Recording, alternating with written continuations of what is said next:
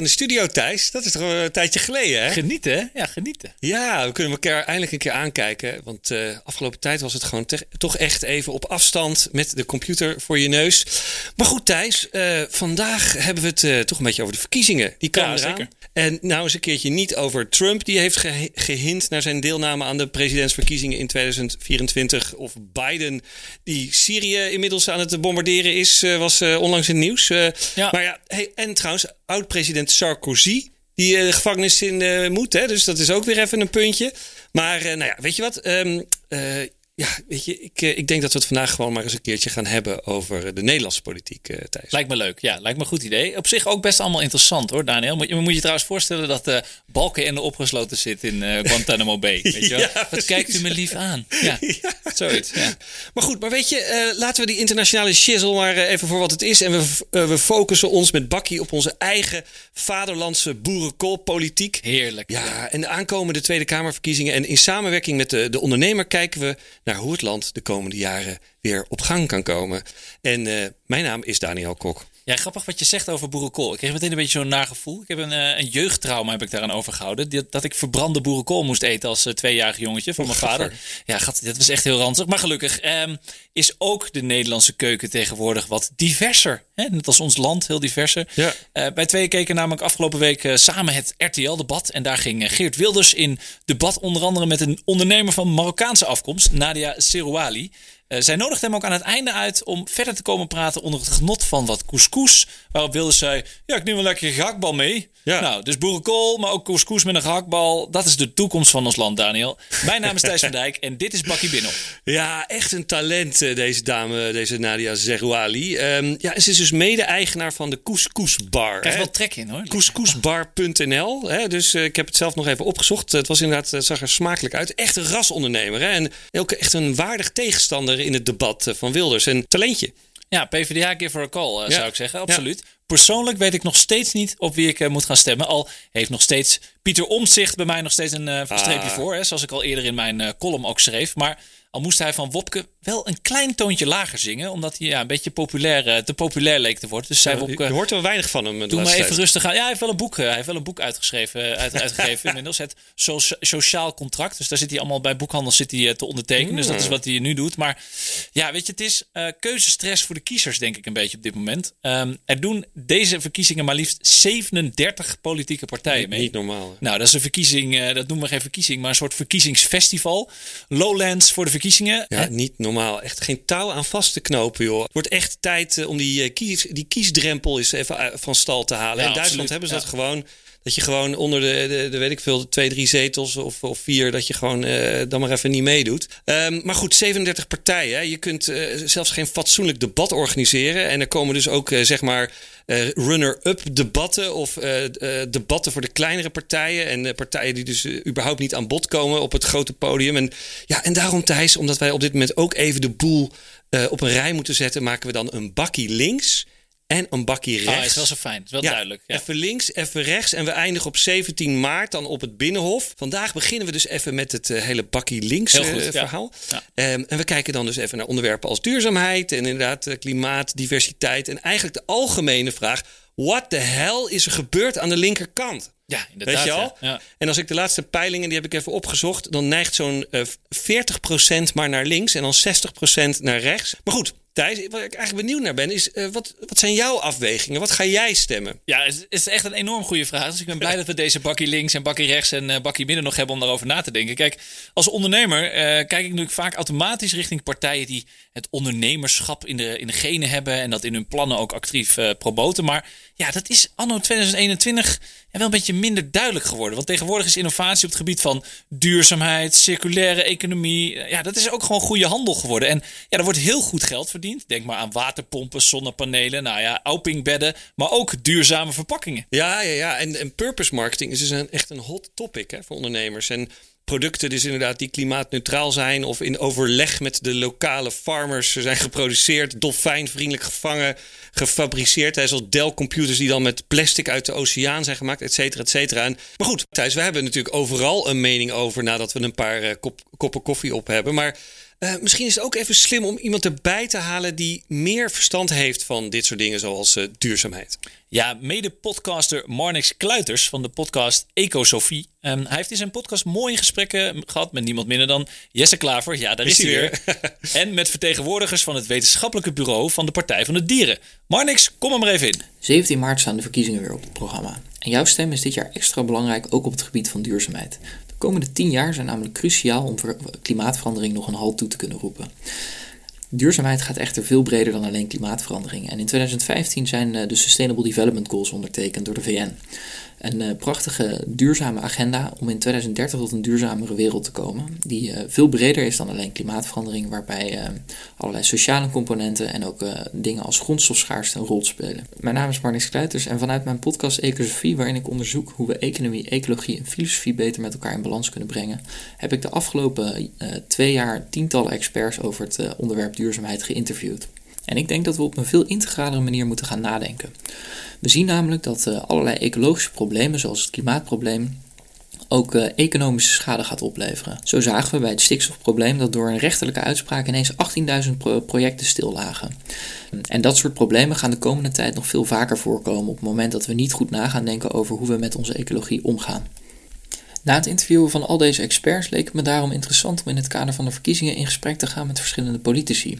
Um, en ik heb daarom de afgelopen tijd uh, van bijna iedere partij iemand gesproken over het uh, beleid op zowel sociaal-economisch als ecologisch gebied.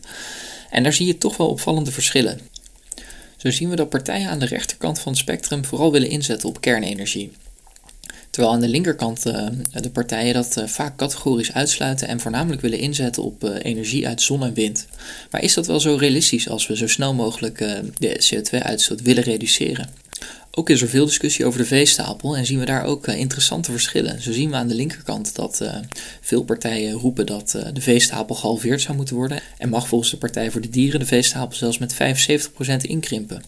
Daarvoor zou dan een hoop natuur terug kunnen komen. Maar is dit wel zo realistisch? En is het niet juist zo dat de industrie in Nederland houden enorme voordelen biedt, omdat wij hier strenge eisen hebben op het gebied van dierenwelzijn en de uitstoot van broeikasgassen? Het zijn interessante dossiers waarop de visies enorm uiteenlopen. Feit is wel dat we wat zullen moeten gaan doen de komende 10 jaar. Ik zou je daarom willen aanmoedigen duurzaam te stemmen. En dat kan zowel op een partij die expliciet duurzaam is, maar ook door jouw voorkeur uit te spreken voor iemand die zich expliciet uitspreekt voor duurzaamheid. Laat jouw voorkeurstem daarom gelden. Veel succes, 17 maart. Ja, ja, dat zijn goede punten van Marnix. Uh, ja, zo kunnen jij en ik dat natuurlijk niet verwoorden. Nee, absoluut niet. Nee. Uh, ja, en weet je, het is niet alleen een hot topic. Het is ook wat je zegt, big business. Want deze week was in het nieuws dat softwareondernemer en tech miljardair Steven Schuurman. Nou, ik had er nog nooit van de beste man gehoord. Maar we hebben dus ook tech-miljardairs in Nederland. En die heeft dus een miljoen geschonken aan de campagne van D66. En ook nog een paar tonnetjes eh, aan de Partij van de Dieren. Dat is echt... Bizar, hè? Ja, ik hoorde dat ook. Ik bedoel, dat, dat, gewoon, dat zijn gewoon Amerikaanse praktijken, hè, een beetje. Ik bedoel, dit, uh, de mixing van business en politics op deze manier, het wordt toch een beetje gek. Packs, hè? Daar heb je, heb je in Amerika de packs waar je dan ja, uh, aan mee kan doen. Ik vind het toch een beetje vreemd, hè? Dat, dat in Nederland, ja, dat is ongekend dat er zoveel gedoneerd wordt. Ik heb het nooit gehoord. Ik bedoel, ik las ergens dat, er, dat ze al blij waren met donaties van 25.000. Nou ja, dat is toch wel iets meer geworden. En ja, in Amerika is dat gewoon normaal, hè? Dan schenken de tech executives van Amazon of Microsoft of Apple en Google, ja, die schenken gewoon gemakkelijk miljoenen dollars aan Biden. En ja, dat is voor iedereen heel normaal. Uh, maar maar ik ben wel benieuwd of dit een soort nieuwe hype of een nieuwe trend wordt voor succesvolle ondernemers om een soort meer invloed te krijgen binnen de politiek. Ja, dat, zou zomaar kunnen. Maar weet je wat deze gift ook extra pikant maakt? Is dat uh, D66, net als de Partij voor de Dieren, enorm kritisch zijn op de toenemende macht van grote techbedrijven. En uh, ja, vanwege hun omgang met bijvoorbeeld privacy van gebruikers, maar ook bijvoorbeeld de belastingontwijking heet dat tegenwoordig. Als je dan ook giften uit de techhoek weliswaar van een individueel persoon gaat aannemen, dat is dan wel een beetje een dingetje. Hè? ja, het is een beetje pot verwijt de ketel dit. Maar goed, misschien komt het ook dat hij Steven Schuurman heet en niet Mark Zuckerberg of uh, Jeff Bezos of Elon Musk. Mark klinkt Cureman. Ja, klinkt lekker Hollands, weet je wel. Die jongen met die gehaktbal en die boerenkool. Maar goed. Couscous. En laten we wel wezen, Daniel. Wie zou 1 miljoen euro afslaan? Ik bedoel, hè? Ja, als je het hebt over ons vak media en marketing en reclame. Ja, is de macht van de Amerikaanse big tech. Ja, dat is natuurlijk ook wel steeds groter issue aan het worden.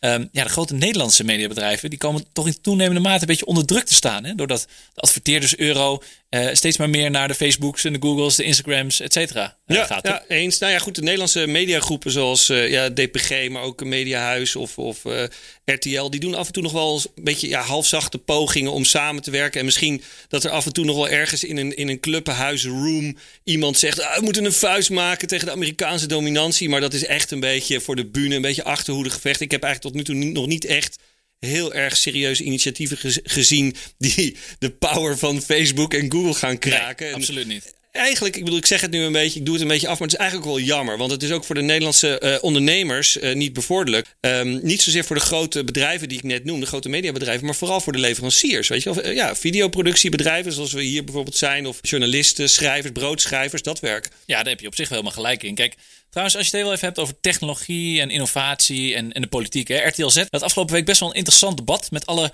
verantwoordelijke woordvoerders van de, de verschillende partijen. En dat ging een beetje over de digitalisering eh, van Nederland. Ja, en dat heb ik gezien, ja. ja, ja, ja. er kwam een soort stelling op tafel. Die kwam van, ter sprake van eh, Victor Knaap, CEO van uh, MediaMonks. En hij pleitte recentelijk nog voor het invoeren van een minister van, eh, van Digitale Zaken. En als je dus afvraagt of dat een goed idee is, Daniel. Kijk, Denemarken, Finland, Frankrijk en Estland hebben die al. Nou ja, daar werd er lastig over gedebatteerd. Moet Ja, ik moet even lachen. Ik moest ineens denken aan het ministerie van Toverkunst. Ja, Een soort Harry Potter. ja precies. Maar Victor. Knaap als Harry Potter. Ja, Nee, leuk. het, Ja. het klinkt heel gek, maar wat je zegt, er zijn gewoon echt serieuze landen. En landen die misschien waar we wel wat van kunnen leren, die dit al hebben. Weet je al? En ehm, wat helemaal shocking is, is dat men, eh, dus eigenlijk de, de Kamerleden, dit helemaal niet zo zagen zitten. De vertegenwoordigers van SP, GroenLinks en de CDA, die waren vooral heel erg enthousiast over het feit dat er nu een vaste Kamercommissie komt voor digitale zaken. Oké. Gaat zo lekker veel oplossen ook. Eh, Lubach had hier een mooi item over. En die toonde aan dat experts zoals Kees Verhoeven van de D66, wat dan echt iemand is die er echt verstand van heeft, die gaat weg. Die stopt. Die gaat de Kamer uit. En op de nieuwe kieslijsten, hij is er echt helemaal met een stofkam doorheen gegaan. Er staan dus heel, heel weinig mensen met kennis over dit onderwerp. Een soort van digitale transitie, maar dan de verkeerde kant op. Ja. nou ja, goed. En de overheid heeft wel ook best wel een schandalige lijst met wat eh, ICT-mislukkingen op hun naam staan. Eh, laat ik even beginnen met de OV-chipkaart, het elektronisch patiëntendossier. Ja, hou het niet op, joh. recentelijk het Defensieproject. Paspoort nou, en onlangs natuurlijk de corona-app. Daar ging Victor Knaap ook nog fel tegen in. Ja, ja, en natuurlijk als klap op de vuurpijl was het de afgelopen week het datalek bij de GGD. Waarin gewoon alle informatie op straat lag. En ja, waar experts met kromme tenen naar het Kamerdebat zaten te kijken. Omdat iedereen, inclusief minister De Jonge, ja, zoveel domme dingen zijn. Maar dat, ik begrijp dus wel waarom ze dan sceptisch zijn. Want ja, weet je, veel mensen willen niet toegeven dat ze er geen verstand van hebben. Dus ik, ik begrijp best wel dat ze tegen zijn. Want ja, ze snappen er gewoon gereed van. Kijk naar Lubach, want dan zie je onder andere ook minister Grapperhaus van Veiligheid. Die sprak van dubbele encryptie, terwijl hij waarschijnlijk end-to-end encryptie bedoelde. Dus die zag je echt zo in zijn papieren bladeren, die, die wist het gewoon niet. Ik neem aan dat het misschien heel veel luisteraars zijn die het ook niet precies weten. Maar hij is de minister van Veiligheid. Come on, doe je huiswerk. Nou, maar daarom is het dus ook. eh, daarom krijg ik ook al die dataleks. Maar goed, eh, bizar is dit. Kijk, ik denk trouwens, wat ik zei, een soort echt een soort onkunde. Om maar even het minister van toverkunde te spreken. nou, ik denk dat ze niet, niet zijn opgeleid hiervoor. Dus nou, dat is een soort eh, angst voor de digitale angst. En, en dat ze daardoor een soort van, ja, zo'n idee van een specialistisch ministerie afschieten. Want ja, ze kunnen dus die taal gewoon niet spreken. Terwijl Ja. in allerlei eh, beschaafde westerse landen dit wel eens echt als een prioriteit wordt gezien. En in het kader van onze concurrentiepositie in Europa, ja, vind ik dit best wel een beetje zorgelijke ontwikkeling. Kijk, als je ziet hoe goed Denemarken de afgelopen maanden haar zaakjes op orde heeft, ook in de coronacrisis. Ik bedoel, Ze gaan nu vaccins inkopen bij Israël, want ze denken, doei, wij gaan gewoon het lekker op onze manier doen. Ja. Gaat allemaal sneller. En eh, in Kopenhagen staat zo'n megalab waar eh, coronatesten door robots worden geanalyseerd. Hè? Even, Ja. even the, future, the future's coming. En de capaciteit van dit ene lab is bijna net zo groot als die van alle labs in Nederland bij elkaar. Dus ja, de robots draaien gewoon dag en nacht door. Die hoeven niet om eh, vijf uur naar huis. Ja, dan zouden dus eh, die miljoenen van Steven Schuurman hier ook wel op zijn plaats zijn, zou je Ja. zeggen. En- Maar even, ja, zonder dolle. Met dit technologiestuk, dan ligt er, vind ik wel echt een kans voor de linkse partijen, zoals nou, inderdaad D66, GroenLinks en misschien nog wel meer. Omdat die vaak relatief jonge stemmers hebben en die zijn allemaal meer digital native. Ja, en, en dat is zeg maar voor de volgende stap die we met elkaar moeten maken, is dit denk ik toch wel een punt waar ze op zouden kunnen scoren. Nee, Maar- helemaal eens. Helemaal Ja. eens. Maar goed, laten we ook heel even teruggaan naar duurzaamheid en de circulaire economie. Hè, Waar natuurlijk links ook helemaal over praat. Dat is zoals je zegt, big business geworden en dat lijkt te groeien. Nou, de vraag is een beetje, wanneer lijkt dat weer te groeien? Want nu praten we natuurlijk alleen maar over eh, corona en eh, alles wat daarna Klopt, gaat komen. ja. Maar Kijk, een aantal decennia geleden volgens mij, en dat was een beetje jouw tijd, minder mijn tijd, heeft, uh, heeft GroenLinks dit onderwerp Heel lang maar geleden. mooi op de kaart gezet. En, uh, en de laatste verkiezingen waren ze, dus waren ze gewoon de grootste. En flink groter nog dan de PvdA. En ja, die het nu trouwens wel weer iets beter lijkt te doen. Een beetje op lijkt te krabbelen. Ze hebben weer wat zeteltjes gewonnen. Ik geloof dat ze 13 zeteltjes hebben of zo. Dus wat dat betreft. Ja, ja, de start van GroenLinks. Echt, ik weet niet of jij het je kan herinneren. Maar nee, ik kan is het nog veel te jong, denk ik. Ja, het was Ja. Een soort, inderdaad een soort fusiepartij. En ik weet nog dat uh, dat hele oude cabaretier Seth Gaikema een soort grap maakte van dat er iemand uit het buitenland kwam en die vroeg: Is there any green left? Want die zag dan Nederland. Is there any green left? Dus yes, we've got green left, uh, GroenLinks. uh, en nu is dat zeg maar dat onderwerp uh, duurzaamheid waar, en groen waar ze altijd mee uh, gescoord hebben in die tijd. Um, en het is dus veel meer mainstream geworden. En daar zit volgens mij ook een beetje de crux van het probleem van links op dit moment. En zoals we net vast hebben gesteld, lijkt het erop dat het hele electoraat naar rechts aan het verschuiven is. Maar dat is eigenlijk net anders. Want volgens mij is het juist zo dat ook het uh, midden- en de rechtse partijen stukje bij beetje linkse standpunten aan het overnemen zijn. En eigenlijk een beetje het wind uit de zeilen nemen van echt uh, ja, linkse topics. Nee, ja, maar dat gaf uh, Jesse Klaver, de Jessias, hè, met zijn uh, zusje, opa en oma, die natuurlijk ook een hele belangrijke rol spelen in zijn verkiezingscampagne. Ja, ja. Ook wel toe, hè? In, in een recent interview voor Trouw, VVD. ehm, hij zei eigenlijk, ja, VVD is linkser dan het ooit was. En dat komt, denk ik, ja, omdat ze recentelijk natuurlijk veel hebben samengewerkt met de PvdA en nu ook D66. En de ChristenUnie die hun ook een beetje dwingen, zo van, nou ja, ook die partijpunten eh, te, te gaan volgen. Vind je ook niet? Maar hey Thijs, uh, dat gepraat over uh, Jesse Klaver alias de Jessias, dat, uh, dat doet me denken. we hebben ook nog ons vaste item, de Gouden Barista en een koffie verkeerd. De Gouden Barista. Oh ja, de unieke en enige prijs van Bakkie Media door Bakkie Media en voor Bakkie Media luisteraars natuurlijk. nou goed, vandaag uh, gaat de Gouden Barista naar een van de weinige personen die het gelukt is om premier Rutte aan het wankelen te krijgen in een debat. Ja, ja, ja, ja, ja. Rutte is toch een beetje de Don Teflon van de Nederlandse politiek. Hè? Ik bedoel, alles wat je er tegenaan uh, gooit, dat glijdt er gewoon vanaf. Het is gewoon echt... Uh, hij lacht heel hard of, of hij zegt sorry en dan is het weer klaar, weet je wel. Dat is toch uh, bijzonder. Ja, exact. En uiteindelijk was het niemand minder dan Christy Rongen, wie kent het niet, uh, die Rutte van zijn stuk bracht hè, in het debat. Zij was een, een van de slachtoffers van de, van de toeslagenaffaire van het afgelopen jaar. Nou, dat zijn er nog 30.000 met haar. Um, en zij confronteerde hem eigenlijk met het feit dat hij was blijven zitten en niet echt weg was gegaan. Dus als ja. hoogtepunt uh, uh, greep ze toen in en toen Rutte weer in een van zijn verhalen begon, ze zo, oh, oh, oh. Ik stop u even. Ja, ja, ja, nou ja, goed. Kijk, hij, hij was natuurlijk dem demissionair geworden. Maar uh, ik bedoel, Ascher die is echt weggegaan. Die heeft het zich echt aangetrokken. En haar punt was gewoon van ja, je stapt dan op, maar in principe blijf je. En dan ineens sta je hier weer en dan wil je weer meedoen. Dus je bent niet echt, je hebt niet echt de verantwoordelijkheid genomen. En nou ja, goed, hij had natuurlijk wel weer een babbeltje klaar. Maar het was een, een, ja, een legendarisch moment. Dat gaan we denk ik over tien jaar nog, uh, nog terugzien. En dik verdiend voor Christy.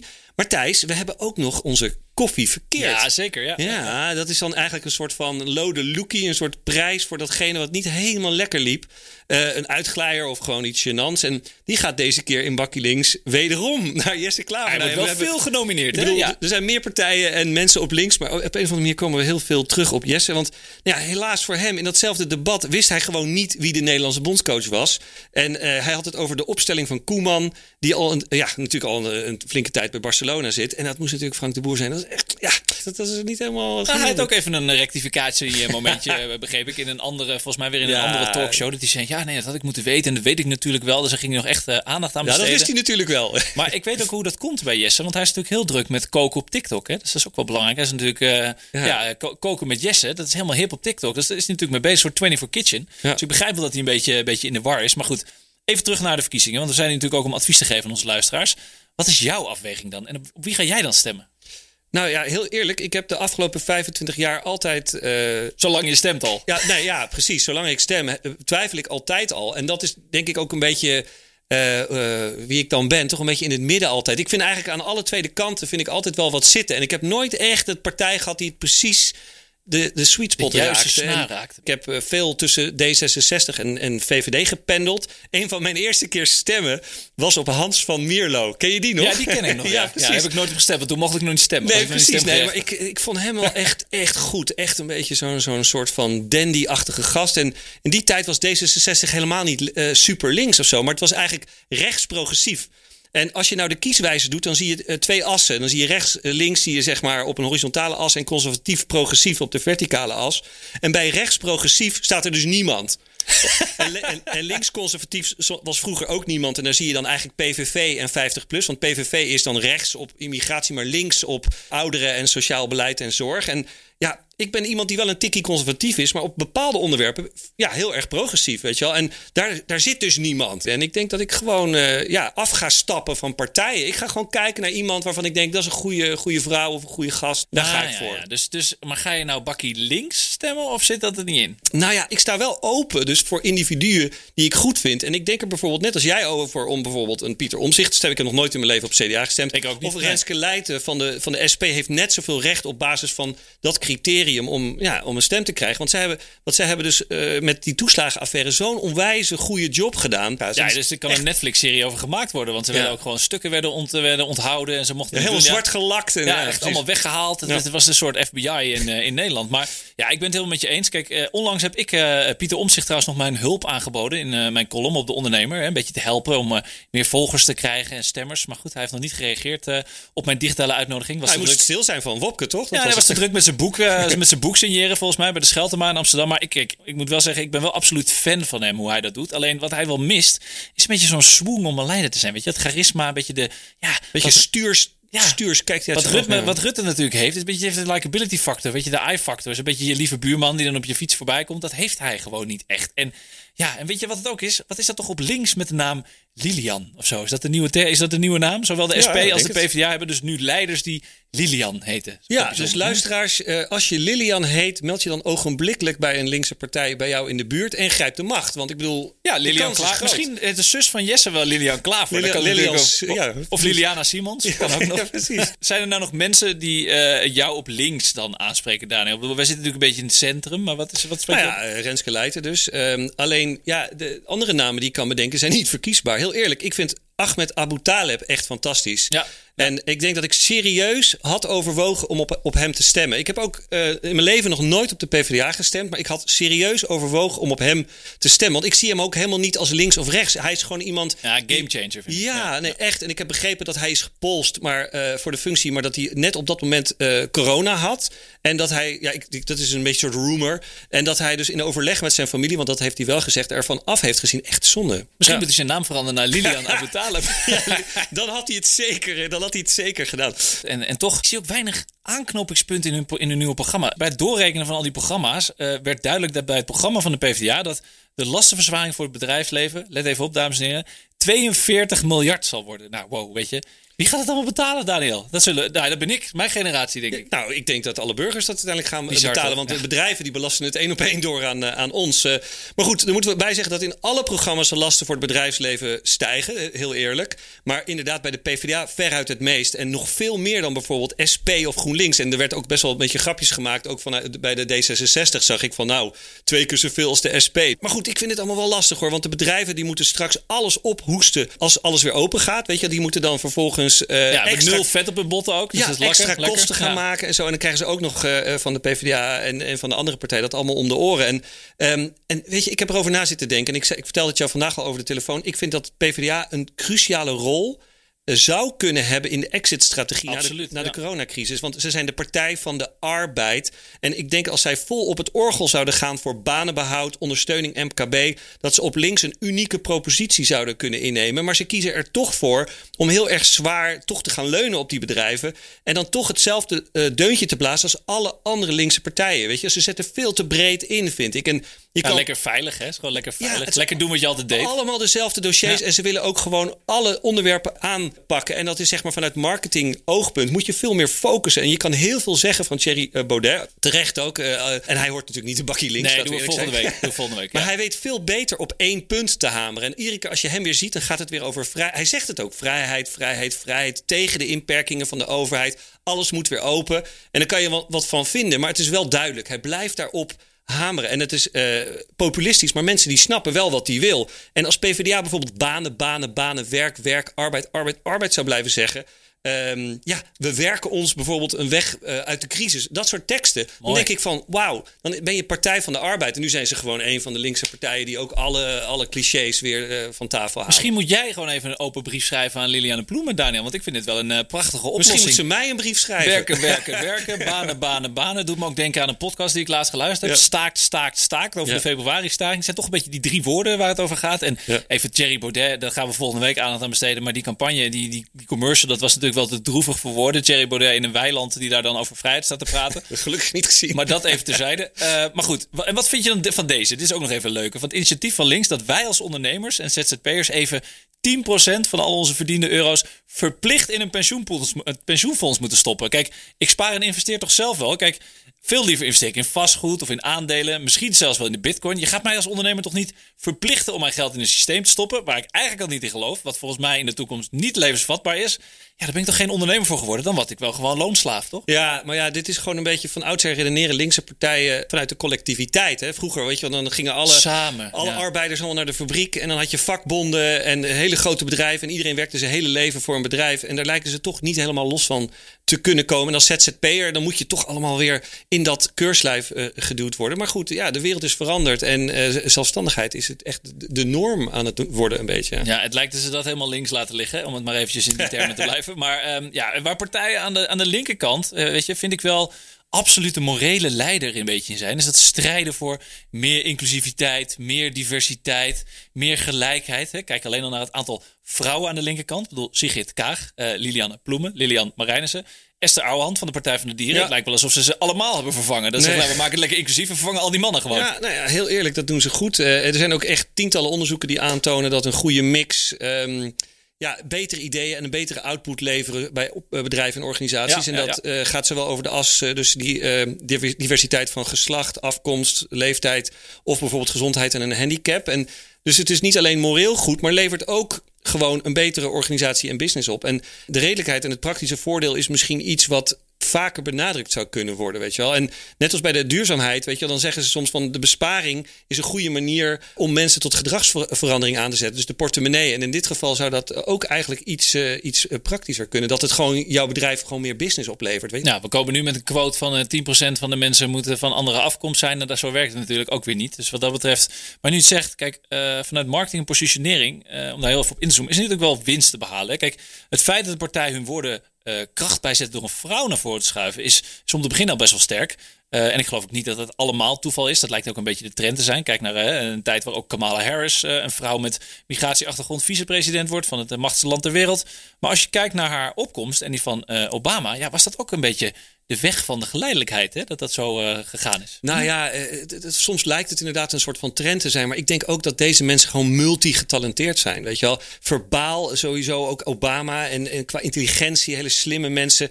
Maar ook qua empathie en menselijkheid. En ook, ja, laten we heel eerlijk zijn, qua uiterlijk. Het zijn gewoon ook mooie, mooie mensen. Mooie, slim, intelligente mensen. En ja, goed, en dan daar ga je gewoon voor. Ja, daar kijken we gewoon graag naar. En goed, de gemiddelde Nederlander is ook niet heel erg activistisch. Hè? Ik bedoel, laten we wel wezen. Af en toe staan een paar mensen te schreeuwen op museumplein en eh, koffie te drinken. Maar ja, mensen houden vooral van evolutie. En als discussie te veel hij-zij denken wordt, of, ja, eh, of strijd, dan wordt de stemmer een beetje voorzichtig. Dus zaken als schuld, white privilege en herstelbetalingen voor de slavernij, hè, punten waar bijvoorbeeld partijen als Bijeen en Denk op hameren, die zijn vrij niche. Dus vanuit het perspectief van de stemmer zijn deze standpunten qua draagvlak een beetje vergelijkbaar met bijvoorbeeld de punten van de SGP of 50PLUS. Kijk, zo zag ik bijvoorbeeld bij Nieuwsuur dat de meerderheid van de PvdA-stemmers tegen een slavernijmuseum is. Ja, niet dat het geen goed idee is, maar je zou erover kunnen nadenken of dit dan een punt is waar je wat minder nadruk op zou kunnen leggen. Nou ja, dat is eigenlijk exact, mijn punt van dat zo'n PvdA zich moet focussen. Maar goed, weet je, het is wel zo. 2021 is wel de tijd om op dit eh, terrein punten te scoren. Weet je wel? Dus als je een keer eh, dit, eh, dit punt naar voren wil brengen, is het nu. Ehm, en, en veel mensen die dus links midden en sommige rechts midden zitten, die staan op, op zich open voor deze ideeën. Nederlanders zijn denk ik wat dat betreft best wel redelijke mensen. Maar, maar goed, ehm, het is ook tijd om... eh, Ik stop je nu even. Ja, exact. stoppen. Je hebt gelijk, Daniel. Ik stop je nu even. Eh, over een week gaan we Ja. hierop door. En dan gaan we verder met een bakkie media rechts. Dit was het voor vandaag. Deze aflevering is zoals gebruikelijk terug te luisteren op alle bekende podcastplatformen. Uiteraard zijn we ook te vinden bij onze mediapartners. De Ondernemer, Adformatie en Topcast Media. Ook op social media zijn we te vinden. Op Twitter via @bakkiemedia, op Instagram via @bakkiemedia podcast en ook op Facebook voor onze familie en vrienden. Tot volgende week.